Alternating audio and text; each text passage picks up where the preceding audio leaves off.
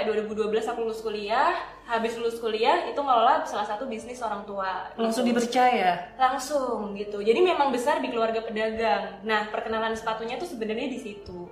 Akhirnya bikin brand sepatu namanya Amazara. Amazara Amazara itu nama anak aku sebenarnya. Waktu itu kita ada CS tuh 13 orang. Kita shift bagi shift gitu di Jogja. Uh, untuk mereka bisa nge-follow up, untuk mereka bisa balesin komen di Instagram, di DM, di WhatsApp, di Line. Jadi um, kalau kembali lagi ke yang postingan viral yang Ci Christina bilang itu, di situ aku bilang one of the main point kenapa kita bisa fail waktu itu, first of course karena aku sendiri memang lagi ada masalah pribadi waktu itu. Jadi 2009 2019 itu um, I was facing my divorce. Oke. Um, Iya, oke. I was facing my divorce. Um,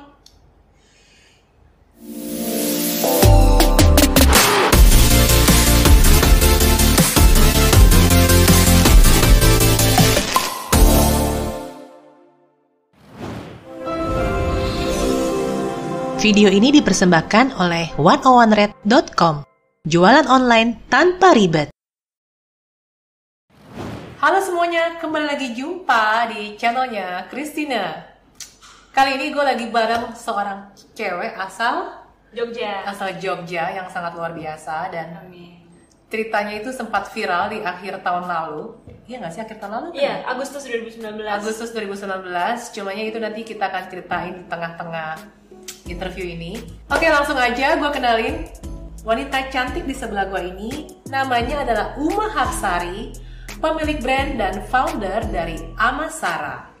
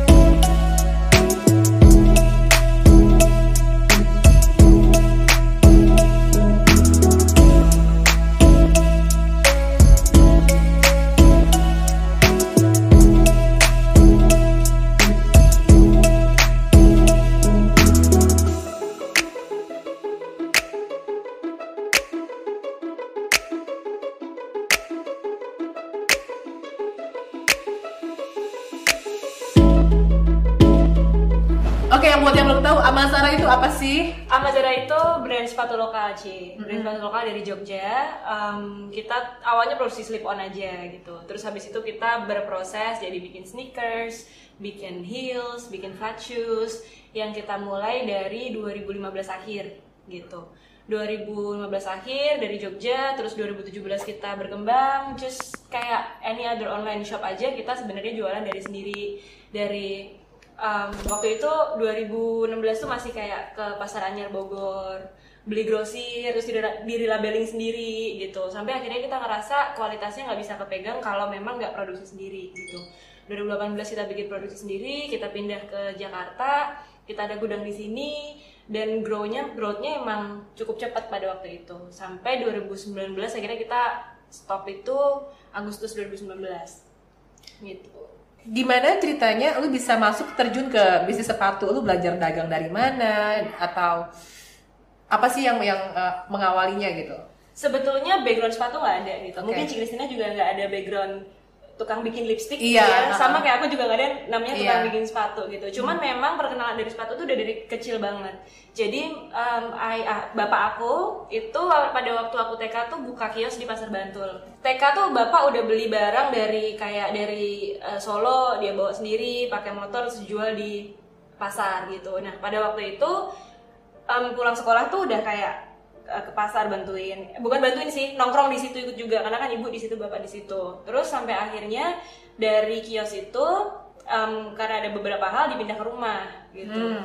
pindah ke rumah nah dari yang tadinya sepatu terus jadi jualan baju dan segala macem. Itu namanya toko pantes kalau mungkin orang Bantul mungkin tahu gitu toko pantes itu berarti dari tahun 9, 92 lah sekitar tahun Berarti segede apa tuh tokonya lumayan gede dong? Kalau pada waktu itu kan mulai dari kios doang, Ci. Jadi Uh-uh. bener-bener kios aja, terus di rumah tuh kayak buka ah, buka lapak gitu loh. Oke, Terus tambah oke. gede, tambah gede, tambah gede gitu. Nah, berproses karena sekarang udah 20 sekian tahun ya, udah mau 30 tahun, sekarang cabangnya udah ada 10 gitu. Cuman itu bisnis orang tua, bukan bisnis aku. Kembali lagi ke sepatu itu tadi, kita jualan brandnya. Masih dropship Uh, uh, lah. Kayak gitu. Eh, Jadi- dropship masih reseller ah, lah. resellerin Iya. orang lain gitu terus ada beberapa brand itu terus habis itu aku kuliah itu sampai 2012 aku lulus kuliah.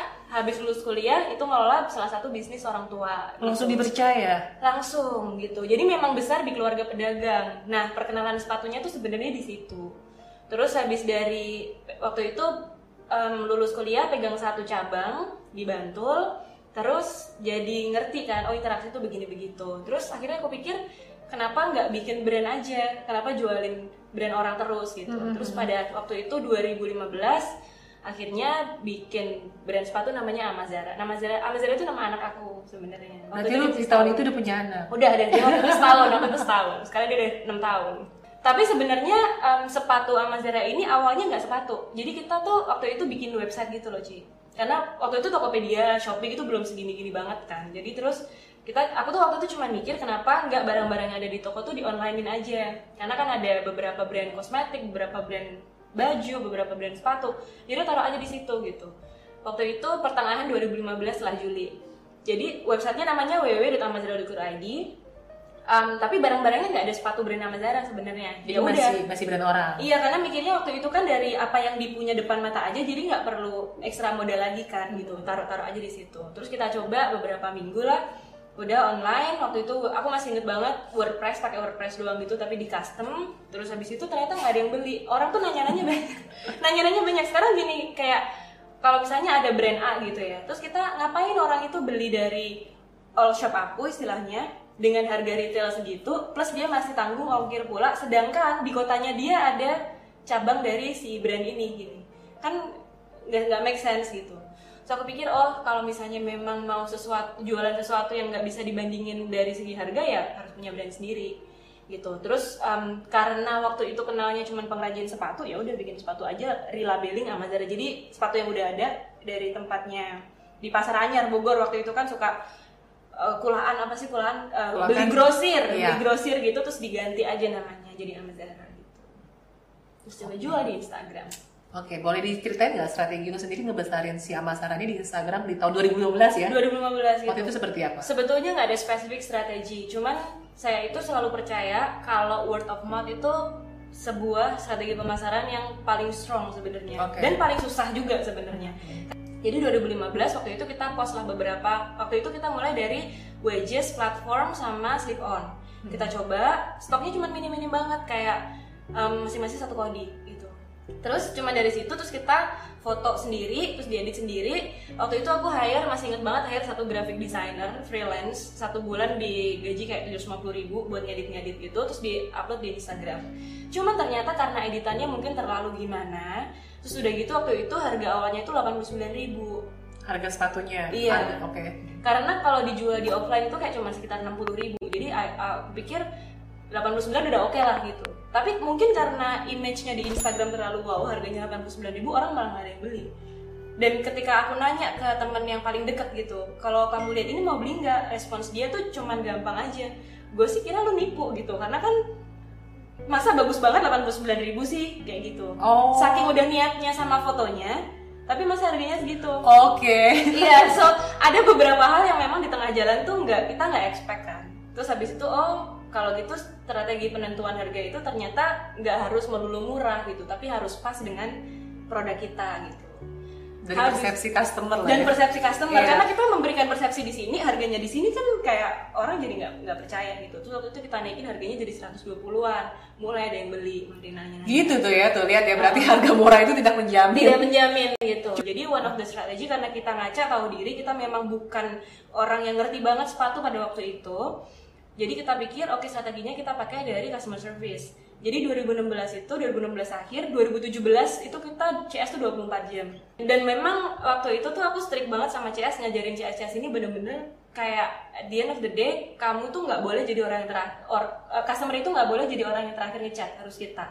Kalaupun dia terima kasih ya kita kasih emoticon apa atau gimana gitu. Oke. Jadi bener-bener di follow up, udah beli di follow up gimana. Terus kalau mereka nggak happy, uh, ditawarin mau diganti apa enggak gitu. Even kalau misalnya jebol ya langsung kita ganti. Atau misalnya kayak ada yang nggak enak langsung diganti. Pokoknya strategi question asked no question asked langsung diganti 2017. Nah 2018 itu mungkin karena jumlah uh, customernya berkembang ya. Jadi kan kita as a business juga scale up-nya kan harus lebih itu mungkin uh, dari situ customer service-nya men- masih mencoba doing the best that we can cuman agak menurun kali ya kualitasnya ya dibandingkan 2017 karena Apanya yang kuantitas- menurun nih? secara service Ci, misalnya Oh, tadinya karena makin banyak nih yang mana masuk. makin banyak gitu. Yang tadinya tuh kayak all complaint itu aku bisa tanganin sendiri. Kayak um, and I make sure everybody is happy. Terus 2018 karena kita ada ribuan sepatu jualannya setiap bulan up to one point tuh kayak satu bulan tuh 6000 sepatu gitu. Kalau lagi rame ya. Itu eh, ngebayangin meng-after service nge-follow up 6000 orang itu kan nggak segampang gitu juga gitu jadi kalau misalnya mau mau CSD 24 jam waktu itu kita ada CS tuh 13 orang kita shift bagi shift gitu di Jogja Uh, untuk mereka bisa nge-follow up, untuk mereka bisa balesin komen di Instagram, di DM, di WhatsApp, di Line, di Iya, mana kan iya. agak susah gitu. Dan pada kenyataannya kalau kita main di dunia sepatu tuh ya, itu untuk bisa menjaga size tetap segitu itu nggak memang challenging banget sih. Kenapa? Karena sepatu itu kan komponennya banyak tuh. Dari alat-alat yang kita pakai tuh misalnya, kalau kita nggak pakai shoeless namanya tuh yang buat ngebentuk sepatu tuh namanya shoeless. Kalau shoelessnya kita nggak pakai yang bagus, kita pakai shoeless kayu misalnya, kayu itu seiring berjalannya waktu dia nyusut. Jadi 36 yang di awal itu mungkin tahun depan bisa nyusut jadi 35 setengah. Jadi harus ganti tools lagi. Kecuali kalau pakai yang bagus sekali ya, dia mau 20 tahun juga nggak ganti gitu. Dan itulah kenapa 2018 itu kita kan nggak kayaknya nggak bisa keep up sama demand ya. Demandnya itu kan banyak. Cuman kita modelnya mungkin secara modelnya banyak secara style. Cuman secara bentuk mungkin ya begitu-begitu aja. Uh, sedangkan seharusnya kita lebih banyak uh, ngabisin waktu di research and development. Kita kayak agak lupa sama waktu itu karena udah busy jualan, busy ngurusin orderan apa. Jadi kita developmentnya tuh nggak terlalu pegang gitu kan. Jadi um, sekarang kalau misalnya dikasih kesempatan kedua lagi nih boleh buat buat relaunch lagi. Kemarin kita nggak nggak akan relaunch sampai kita benar-benar punya satu produk yang no question asked if you don't like it ya ya udah kita balikin. Terus SOP-nya juga lebih dibikin. Iya. Untuk mungkin kayak productionnya harus kayak gini, panjangnya sekian, ini sekian, sampai like Iya, that lah ya. iya. Aku sendiri bukan orang yang ngerti produksi Ci. Jadi uh, waktu itu 2018 tuh kita sempat bikin rumah produksi sendiri. Hmm. Em, partneran lah sama Oke. sama partner gitu. Cuman at the end of the day tuh nggak karena aku sendiri nggak gitu nguasain, jadi aku nggak bi- nggak bisa terlalu turun tangan kan. Jadi em, banyak pemborosan malahan di situ. Jadi kalau orang pikir kan punya produksi sendiri bisa irit, belum tentu. Karena kan fixed cost di situ kan gede banget tuh. Jadi em, kalau kembali lagi ke yang postingan viral yang Ci Christina bilang itu, di situ aku bilang one of the main point kenapa kita bisa fail waktu itu first of course karena aku sendiri memang lagi ada masalah pribadi waktu itu. Tapi on the um, on the other side juga karena biaya operasional itu ngebengkak banget dari segi fixed cost-nya. Kita Biaya nggak bisa uh, kita nggak bisa tahan. Kita nggak bisa tahan gitu. Itu bisa dibilang ngebengkaknya itu sampai dari awal lo anggaplah tahun pertama gitu ya. Tahun pertama ke tahun ketiga itu memangnya dari segi omset tuh naik berapa kali lipat sih? Em, tahun pertama itu 2016 itu tahun pertama ke tahun kedua itu naiknya ada sih di situ sebenarnya grafik Di buku nih. Ngomong-ngomong nanti kalau Oh, iya. kalau kalian yang habis nonton ini ada terinspirasi satu hal, dua hal, tiga hal, tulis di komen, tiga komentator terbaik akan mendapatkan buku In My Shoes dari Uma Hapsari. in my own shoes In My Own Shoes. ada ownnya ada on shoes. Nah, iya, eh, lu gak inget ya? Iya ingat intinya Kira-kira aja, kira-kira. Iya, jadi dia naik sekitar dari sini ke sini ke sini. Jadi dari sini dari 2016 ke, ke 2017 itu berkali-kali lipat banget emang sekitar tiga kali lipat. Terus dari 2017 ke 2018 itu naiknya bisa dua setengah kali lipatan lagi gitu. Wow. Tapi kayak dari cuman tiga tahun itu kan waktu yang cukup sempit ya Ci ya. Singkat banget. Iya, jadi kita nggak intinya ketika scale up itu banyak hal yang kita nggak nggak Iya, expect iya, lah iya, gitu iya. terus waktu itu tuh intinya tuh udah mulai ngerugi tuh dari Januari 2019 minusnya tuh kayak 100 200 50 gitu um, which is masih jualan banyak. Cuman kan operasionalnya kan udah terlanjur gede itu loh Ci kayak misalnya nih kita pengen kita kepengen waktu itu bikin satu sistem. Kita udah bayar di sistem 100 juta misalnya. Tapi nggak kepegang akhirnya sama aku aku personally di situ. 2019 jadi jatuhnya waste of money lagi. Minus minus minus. Terus akhirnya wah mau sampai kapan nih kita pura-pura baik-baik aja? Gitu. Terus akhirnya em, kita nunggu THR Juli ya Juni Juni waktu itu Juni terus kita em, let go of em, karyawan-karyawan kita terus habis itu kita kita tawarin mereka sebenarnya yang mau resign atau yang kontraknya udah selesai kita nggak perpanjang lagi Di tahun 2019 kan lu bilang ada uh, personal juga ya, masalah Mm-mm. personal problem gitu kan. Mungkin boleh nggak sedikit lu kayak ceritain gitu loh biar karena jujur kalau lu cuma bilang karena salah ini salah ini salah ini come on lah seorang Uma bisa tidak monitoring itu kayaknya nggak make sense. Makanya kenapa pas lu bilang ada personal problemnya memang seberat apa sampai akhirnya Amazara harus tutup walaupun kemudian relaunch? Kayak gitu loh. Jadi 2009 2019 itu um, I was facing my divorce. oke. Um, You oke I was facing my divorce. Um, apa ya? ada um, it was a bad divorce It was a bad divorce. Jadi gini sebenarnya um, aku kan nikah itu 21 Ci. 21 aku udah nikah. Iya. Terus 23 tuh aku udah melahirkan. Oke. Jadi dua dua dua tuh aku hamil, dua tiga aku melahirkan. Terus habis itu um, my family, our family was oke lah kita running itu sampai 2007 tahun kemudian gitu. Ada masalah keluarga, akhirnya kita nggak cocok lagi, terus harus divorce. Seperti divorce divorce yang lain pasti kan berat dong. Dan itu tuh terjadi bersamaan ketika lagi pengen apa ya, lagi bener-bener kepengen lari gitu usahanya. Jadi investasi-investasi yang kita udah taruh nih, itu ya udah nggak ada yang ngurusin gitu. Um, example gini deh, misalnya kita kita lagi membuat sebuah army nih, tentaranya dikasih AK-47, the best uniform, terus dikasih rumah yang paling bagus gitu. Terus kaptennya udah siap tempur dong gitu. Eh, hari H tempurnya kaptennya nggak ada. Iya nggak ada yang pakai um, fasilitasnya gitu dan itu yang akhirnya menggerogoti perusahaan. 2019 tuh aku bener-bener nggak datang ke kantor. I cuma dua atau tiga kali deh ke kantor. Itu juga nggak ada semangat pasti. The whole year gitu. Jadi kenapa aku nulis buku ini juga? Ini sebenarnya buku curhatan awalnya kan. Jadi 2018 itu Alex approach, Alex Media approach, terus habis itu mereka bilang bahwa Emak em, tulis dong caranya ngebangun Amazon tuh kayak gimana, mulai dari ngebangunnya sampai sekarang gitu. Ya udah tulis gitu. Di buku ini kan ada ada tiga chapter sih. Chapter pertama tuh tentang bagaimana memulai dari nol, chapter kedua tuh tentang bagaimana mengembangkan bisnisnya, terus udah tuh stop sampai situ sebenarnya terus aku bilang sama sama my publisher kalau ini di publish sekarang dalam keadaan Amazara kayak gini totally doesn't make sense. Orang ngapain dong ngikutin cara sukses yang aku kasih kalau kenyataannya I had to experience failure kan 2019 so aku bilang hold on sebentar aja kita pending bukunya. Aku mau tulis chapter ketiga. Yaitu tentang belajar dari uh, kesalahan belajar dari karena yang aku pelajarin tuh bisnis tuh naik turun kan Ci? Bisnis tuh naik turun dan itu yang aku percaya nggak nggak bisa jauh juga dari personal life kita.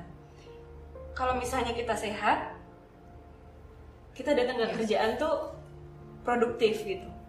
Kalau misalnya kita dalam keadaan emosional yang bagus kita bisa jadi great leader.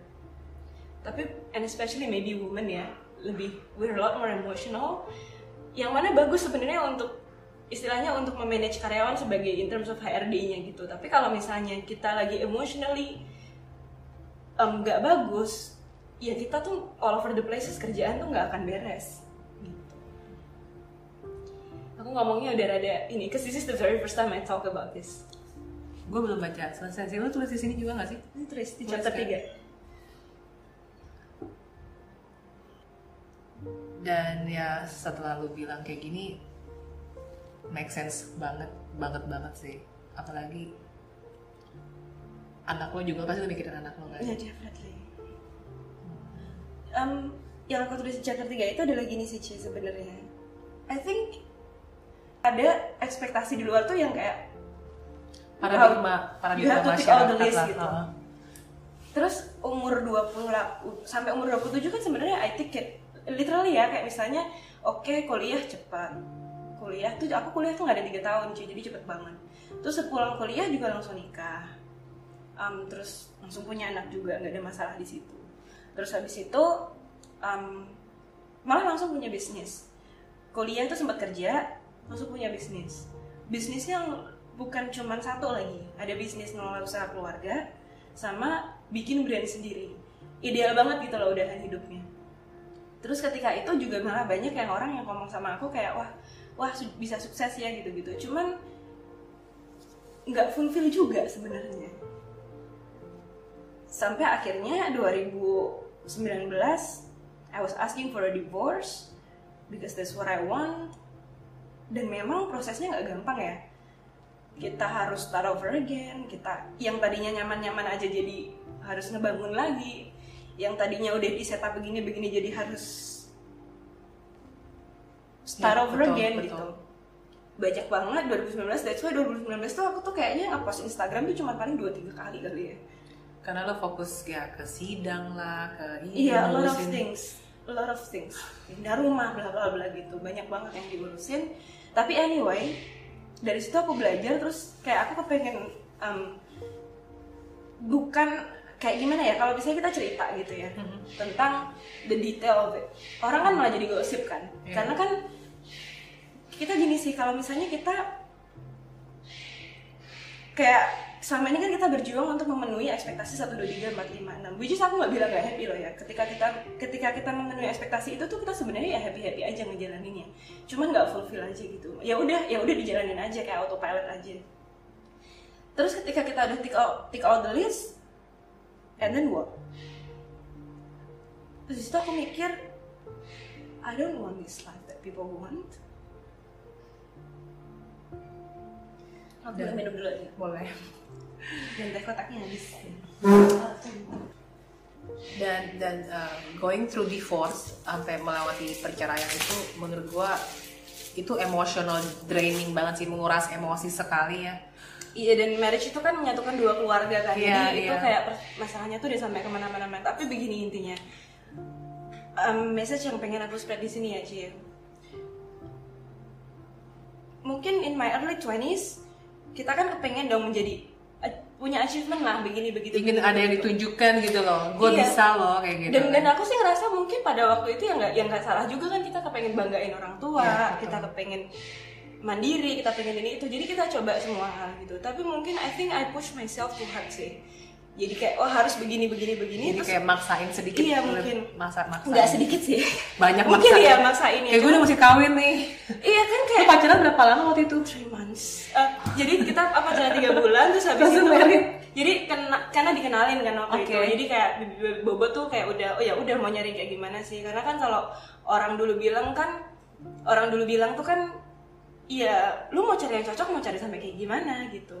Terus dikenalin kebetulan orangnya juga decent gitu ya from a good family and everything. Terus ya udah Desember kenalan Feb April dia ngelamar. Terus habis itu aku tuh Agustus aku lulus sekolah. Kuliah? Lulus lulus kuliah terus habis itu November nikah. Oke. Jadi it was so fast. Cuman yang message yang pengen aku kasih adalah gini ikutin ekspektasi orang lain itu nggak ada habisnya kalau misalnya kita oke apa namanya em, habis ini pasti ditanyain lagi kapan punya adik nih Zara?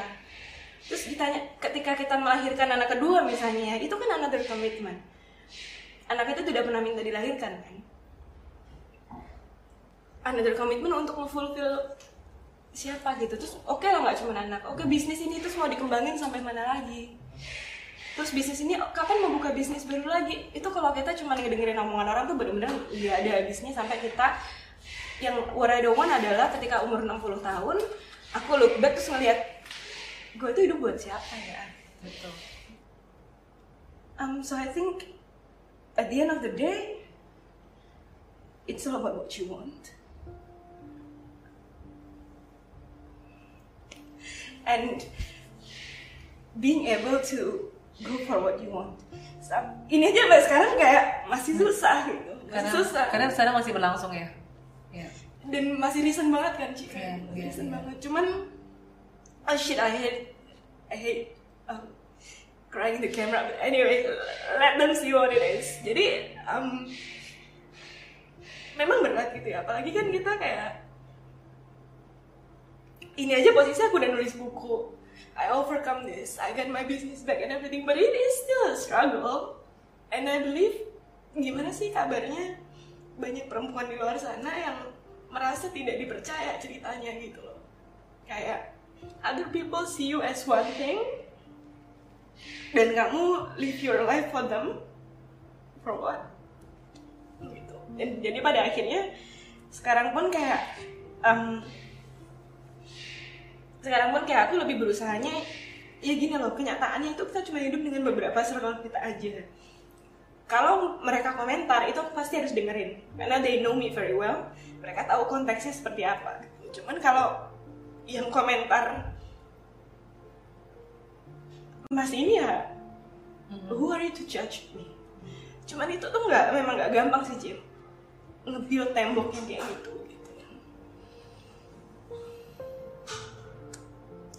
tapi gue bisa assure you gue doain lu akan dapet yang yang literally sayang lu apa adanya Amin ya. Sebenarnya sih gini sih, Dan Ci. sayang Up, up to this point tuh kayak um, it's not about other people, it's more about how you love yourself first. how you love yourself first. Ya, jadi kalau misalnya aku sendiri nggak paham aku tuh maunya apa, ada African proverb dia bilang gini, be careful sama orang yang nawarin baju, be ca- eh, sorry, be careful of a naked man who offers you clothes. I mean, ada orang Iya. yang dia sendiri tuh Iya. telanjang tapi dia sendiri nawarin baju Iya, Oke. gimana sih kayak lu sendiri belum selamat, kita sendiri belum pakai masker, itu mau pakein anak kita masker kan nggak bisa. Gitu. So as much as you wanna help a lot of people, um, orang pertama yang harus kita bantu tuh diri kita sendiri. I need tissue, yes, thank you very much. Terima kasih. gimana biar cepet move on dalam arti pikiran dulu lah move on. Sampai akhirnya ya udah gue mau proaktif nih. I wanna do something in my life. Udahlah gue relaunch sama Zara. Caranya dulu deh Oke, jadi di sini juga ada sebenarnya aku bilang gitu. Ada tiga tahap, tapi basically gini. Em, aku sendiri percaya bahwa kita itu tidak akan bisa melakukan apa pun kalau kita sendiri tidak dalam keadaan emosional yang baik. ya Dan keadaan emosional yang baik itu didapatkan bukan cuma dengan tiba-tiba oke gue emotionally baik terus gue ready. Enggak, itu dibangun sesuai dengan effort yang kita kasih. Di teori psikologi itu ada namanya lingkaran setan kan. Kayaknya nih em, kita ngerasa sedih, ya terus kita di kasur doang karena kita apa ya memanjakan rasa sedih kita gitu kita di kasur doang terus habis itu kita tambah sedih lagi. Kita lagi tambah sedih lagi kita dengerin musik yang sedih-sedih aja dia makin sedih lagi karena tambah sedih kita depresi lama-lama bunuh diri juga gitu. Itu kan namanya lingkaran setan cuman ada batas di sini gini sih misalnya kita sedih nih. Kalau kita sedih em, saya percaya banget kalau kita harus kasih waktu yang cukup untuk emotion kita supaya bisa bergulir bukan yang kayak oke dipendem terus di ah nggak nggak ini tuh nggak terjadi being denial terus kita ngelakuin apa. Itu juga nggak secara jangka panjang itu emosi akan muncul lagi gitu. Jadi kasih ruang yang tepat untuk bersedih. Cuman kita harus tahu oke at one point kita harus memaksakan diri buat kerja. Mungkin em, kalau ditanya siap nggak siap? Harus siap. Harus siap Iya. gitu. Karena nggak ada satu titik di mana kita oke aku siap aku jalan. Karena ketika itu terjadi it will already be too late gitu. Jadi ketika kita tahu oke gue harus melangkah sekarang kita punya keberanian buat melangkah itu tuh bukan berarti kita tidak punya rasa takut gitu. Jadi em, kesiapan itu nggak akan pernah datang kalau misalnya ditunggu terus Em, ketakutan itu nggak akan pernah hilang. Itu cuman bisa di manage dengan cara kita memilih setiap kali untuk berani ngelakuin sesuatu. Keren banget. Kan tadi sempat kita di awal membahas beberapa problem di Amazara. Nah, what will you do differently? Apa yang akan lo lakukan berbeda di yang kali ini? kita akan masih tetap Amazara yang sama in terms of kita akan tetap jualan sepatu, style kita akan tetap uh, seperti itu, brandingnya akan tetap seperti itu, kita tetap punya jiwa service yang sama, tapi kali ini kita nggak mau sekedar kayak didikte aja gitu oleh uh, demand. Kita harus bisa melihat demand ini dengan baik secara keseluruhan bukan cuma demandnya A kita lakukan kita lakukan A demandnya B kita lakukan B. Ini sama aja kayak Cik Kristina ngomong apa aku ikutin sebelah sini ada yang ngomongin lagi aku ikutin. Itu melelahkan sekali. Dan itu saya percaya mungkin jangka panjangnya akan kurang bagus. Karena capek banget kan Ci melakukan ini itu. Kali ini kita akan lebih sering melihat diri kita itu sebenarnya siapa gue sih apa yang sebenarnya mau dicapai dari bisnis ini karena I believe kita tidak akan bisa memberikan real impact melalui bisnis kita. Kita kan udah pernah ngobrol bisnis itu kendaraan.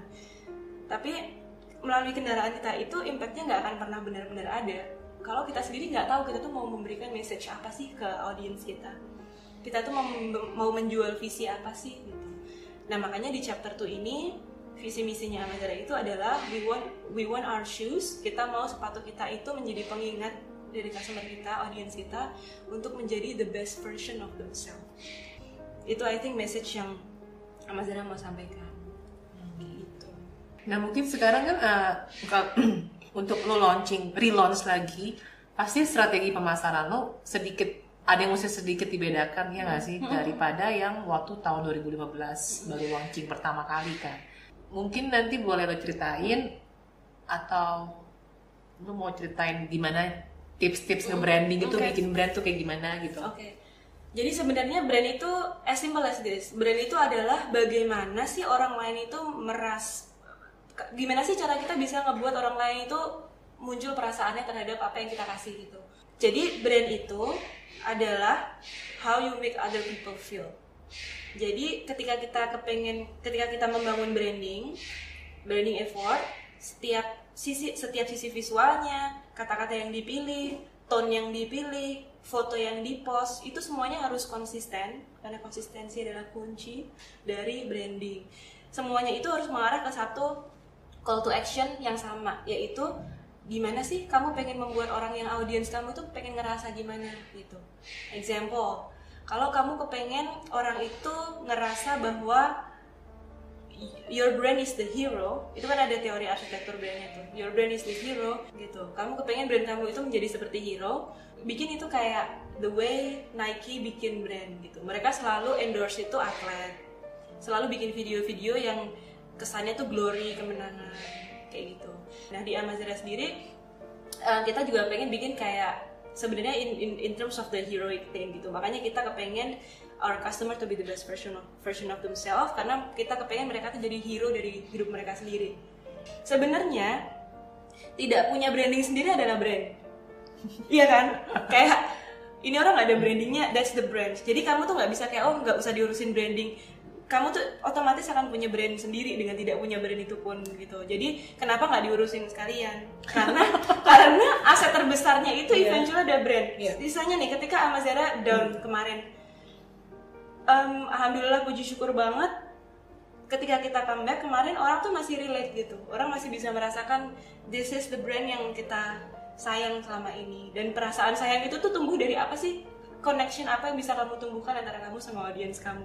Kalau kita udah nemu di situ di build lagi mungkin kita nggak gampang ya Ci buat bisa nemu dari awal oke ditetapkan brandingnya seperti itu.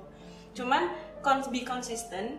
Jangan jangan ke kanan ke kiri. Orang melihatnya kan bingung kan. Jadi lu nih siapa? Apalagi di, di era di tengah-tengah di mana yang jualan tuh banyak banget. Attention span kita tuh kan cuman sepersekian detik gitu istilahnya. Kalau kita ngeliat explore Instagram kan pilihannya banyak banget. Orang nggak punya waktu untuk memilih sesuatu yang nggak nggak otentik. Jadi be different. Kita harus bisa stand out from the crowd. Kalau enggak brandingnya nggak akan kebentuk-bentuk. Dan eventually itu ngaruh ke banyak hal kan penjualan dan segala macam. Oke, nah terus sekarang strategi marketing. marketing oke. Dari awal em, aku sangat I'm a big big believer of word of mouth sebenarnya that's why strategi marketing kita dulu dan sekarang juga masih adalah tetap di produknya yang pertama. Kalau eventually kita mau punya branding yang kayak bagaimana foto yang kayak gimana tapi kalau produknya nggak oke ya orang bakalan ngomongin hal jelek tentang kamu gitu. Jadi dari satu satu dari produknya. Harus ngangenin. harus ngangenin. Iya. kayak dibikin dibikin gini sih kayak ini yang bikin aku happy banget nih. Ketika tadi malam launching kan kita nanya ada apa yang kamu kangenin? Dari Mazara banyak yang nanya- ngomong tuh kayak setahun ini bingung mau cari yang gimana nyari yang kayak gitu. Itu something that makes me genuinely really happy karena berarti kan kita becoming tidak tergantikan gitu. Itu sesuatu yang sesuatu banget lah gitu. Nah ketika satu produknya yang kedua servisnya. Banyak produk yang bagus tapi servisnya nyebelin atau servis itu bukan cuma dari segi customer service ya tapi eh, misalnya apakah kita memberikan product description yang cukup untuk customer kita? Apakah kita memberikan foto yang cukup real picture kepada customer kita? Jadi servis itu gede banget. Apakah kita memberikan edukasi order yang cukup? Apakah kita memberikan Instagram yang cukup eh, mudah dimengerti untuk customer kita? Jadi servis itu comes in a lot of different thing bukan cuma CS-nya doang. Apakah kita memberikan eh, apakah kita mengirim barang dengan cukup on time apakah kita memilih ekspedisi yang cukup bagus? Servis itu gede banget dan itu ada di every customer journey kita. Tuh, itu yang pertama yang pertama produknya yang kedua servisnya Eh, kalau strategi yang lainnya adalah em, yang aku bilang tadi kita jual visi jual misi itu sekarang sama Zara to be very honest kita nggak punya budget marketing yang cukup besar mungkin nanti akan kita akan lakuin Facebook AdSense segala macam lagi. Dulu kan sempet juga. Berarti pas sekarang masih pakai brand ambassador. masih pakai itu ya nah dan terus kayak kita juga endorse orang sekarang bener-bener pilih endorse expert. Jadi kayak ini kita lagi mau endorse Aditya Logi. Dia kan memang memang em, expert di sepatu gitu. Jadi dia bisa memberikan testimoni itu ya sepatu ini tuh bagus apa enggak? Karena dia memang expert di sepatu. Aku lebih mending kirim kirim 20 sepatu ke micro influencer tapi Iya, mereka iya. dipercaya omongannya sama teman-temannya Betul. gitu jadi lebih ke situ sih Em, pemilihan endorsement atau brand ambassador atau ap- apa pun itu yang bukan dari numbers dan exposure-nya Betul, betul. tapi dari apakah kata-kata mereka itu bisa dipercaya apa enggak Believable atau enggak? influential apa enggak Atau pagi pagi-pagi ngomongin brand ini bagus. Eh, tato siangnya ngomongin brand yang kompetitor Iya. bagus juga lu percaya tuh? iya kan enggak jadi kayaknya cuma lu kayak iklan doang gitu Iya, benar-benar. ya be very picky about that juga cuma Jadi, sekarang sih iya. itu aja Nah sekarang gimana? Sekarang kan banyak ya orang ngepost di Instagram gitu kan. Kalau gue perhatiin tuh sama Zara tiap kali ngepost apa-apa, banyak yang like, banyak yang komen kayak gitu. Gimana sih tipsnya? Um, first of all mm, kami tidak nge-treat social media untuk hard selling Oke. First. Second, kami lebih nge-treat sosial media itu sebagai platform komunikasi kami aja. Ya. Kita nggak akan pernah bisa saling engage kalau kita nggak berani menampakkan kita itu siapa. Kalau kita nggak berani autentik dan kita nggak menampilkan konten-konten yang relate sama customer kita, mereka nggak akan komen. Orang itu sangat tertarik ketika kita memberikan konten yang relate sama mereka. Kenapa? Karena mereka itu basically suka ngomongin diri sendiri gitu mereka itu suka explain gue tuh sebenarnya begini loh gue tuh sebenarnya begini loh misalnya aku tuh sebenarnya itu orangnya A loh. Terus ada Amazara yang muncul dengan konten Koreanya. Lah nyambung gitu. Jadi pelajarin audiens kamu itu mereka itu kalau weekend ke mana? Mereka itu usianya berapa? Mereka itu naik motor apa naik mobil? Mereka tuh suka Korea apa enggak? Mereka itu apa? Jadi pelajarin karakter-karakter dan behavior behavior audiens kamu. Jadi ketika kita ngasih konten itu kita kita nyambung gitu. Dan ketika kita memberikan konten yang nyambung mereka pasti kepengen join ngomong. Makanya dulu-dulu kita banyak ngomongin itu Korea quotes gitu gitulah jadi begitu kita ngomongin horoskop atau Korea itu banyak banget yang yang komen. Kalau ngomongin sepatu ya kita nggak ngasih quotes yang kayak hard selling banget gitu loh cuy. Kayak "Ah, ini bisa dibeli dengan harga segini gini gitu Oke guys, jadi uh, thank you banget Uma buat aku waktunya. yang makasih banyak. Dan- And by the way, uh, Cik Kristina ini benar-benar genuinely baik banget. Karena Cik Kristina ini adalah coba bayangin dia host, dia have the business, dia punya YouTube-nya, dan dia yang pakai oh masih geser-geser ini sana sini, terus dia masih punya waktu make time untuk bantuin aku make up karena aku datang ke sini nggak pakai make up. Jadi imagine betapa baiknya makasih Thank you, banyak thank Cik. you Thank you so much for having me. I truly appreciate it. Aku ada bawa sesuatu. Oh, gue pikir tadi ini cuma kayak dipajang doang gitu. Iya, ini masih pakai kardus kita yang lama Oke. karena belum masuk kardusnya Oke. dari segi produksi. Tapi ini Oke. buat Christina, it's very special. Ini buat gua. Iya dong, masa gimana? Gue pikir tadi dia cuma mau kasih contoh. Enggak, cuma kayak ini product placement aja ya. Ini buat Christina. Ntar semoga bisa masuk one one red ya. Amin. Oh, nice banget loh ini sepatu sneaker. Makasih banyak. Oh, kok lu tau sih gue suka pakai sneaker? Everyone loves sneakers. Tebak-tebakan doang lagi aja. Iya nggak sih? Bagus ya sepatunya. Tapi basically karena kita produknya cuma baru ada sneakers ini sekarang. Satu SKU dulu. Tapi brand lu ditaruh di mana mereknya ini? Nah ini yang baru nih. Jadi ini AMA Z, Z. Eh, terus kenapa ini kayak gini? Karena ini melambangkan chapter 2 kan kayak angka 2. Oke. Terus produk lu itu yang yang paling hits sekarang yang sneaker. Ini memang kita mau fokus di sneakers ini dulu. Ini kita ada ada warna ini, ada warna biru, warna Ini hitam, banget sama dalamnya. putih. Nah dan dalamnya ini kita dari recycle insole. Kayaknya lu lu nanya asisten gue ya nomor sepatu gue berapa ya? Pantasan kemarin asisten gue nanya, Ci nomor sepatunya Cici berapa? Mau ngapain mau beliin gue? Gue bilang, Udah seminggu yang lalu lagi. Oke guys, jangan lupa juga um, ini buku ini buat tiga komentar terbaik apa sih yang menginspirasi kalian akan mendapatkan tiga buku In My Own Shoes karangan Uma Hapsari. Iya, nanti aku packing sendiri, aku tanda tanganin sendiri, terus aku kirim langsung. Dapat tanda tangannya loh, Hmm, keren banget ya. Jadi semoga kisah dari Uma ini menginspirasi sekali dan kalian yang nonton juga bisa terinspirasi dari semangat dan kegigihan Uma. Amin. Apa tadi quote-nya? Um, di buku itu aku tulis have the courage to live in your own shoes so you can be the best version of yourself and give meaningful impact for others. Artinya, punyalah keberanian untuk hidup di sepatu kamu sendiri. Artinya tidak bukan sepatunya orang lain. Hidup dalam konteks kamu sendiri, hidup dengan terms and condition kamu sendiri tanpa memikirkan terlalu banyak kata-kata orang.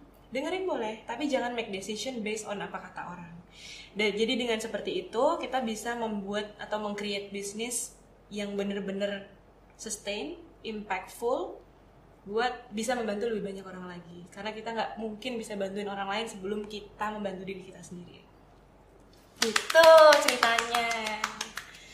Semoga membantu ya. Bantu banget. Thank you banget Uma. Aku yang makasih banyak. Thank you so much for having me here.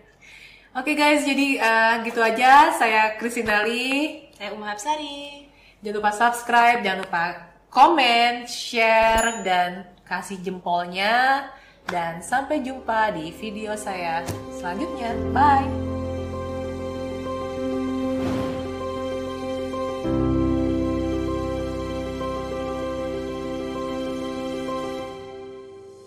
Tidaklah masalah berapa kali kita gagal. Tidak penting berapa kali kita hampir berhasil. Kecewa karena gagal itu masih jauh lebih baik daripada menyesal tanpa melakukan sesuatu. Yang perlu kita lakukan hanyalah belajar dari kegagalan itu dan dari orang-orang di sekitar Anda, dan yakin kalau kita pun bisa bangkit. Janganlah takut dengan kegagalan, karena jalan menuju kesuksesan adalah dengan selalu mencoba setidaknya satu kali lagi. Dan ketika kita mencapainya, semua yang tidak tahu kisahmu hanya bisa berkata betapa beruntungnya Anda.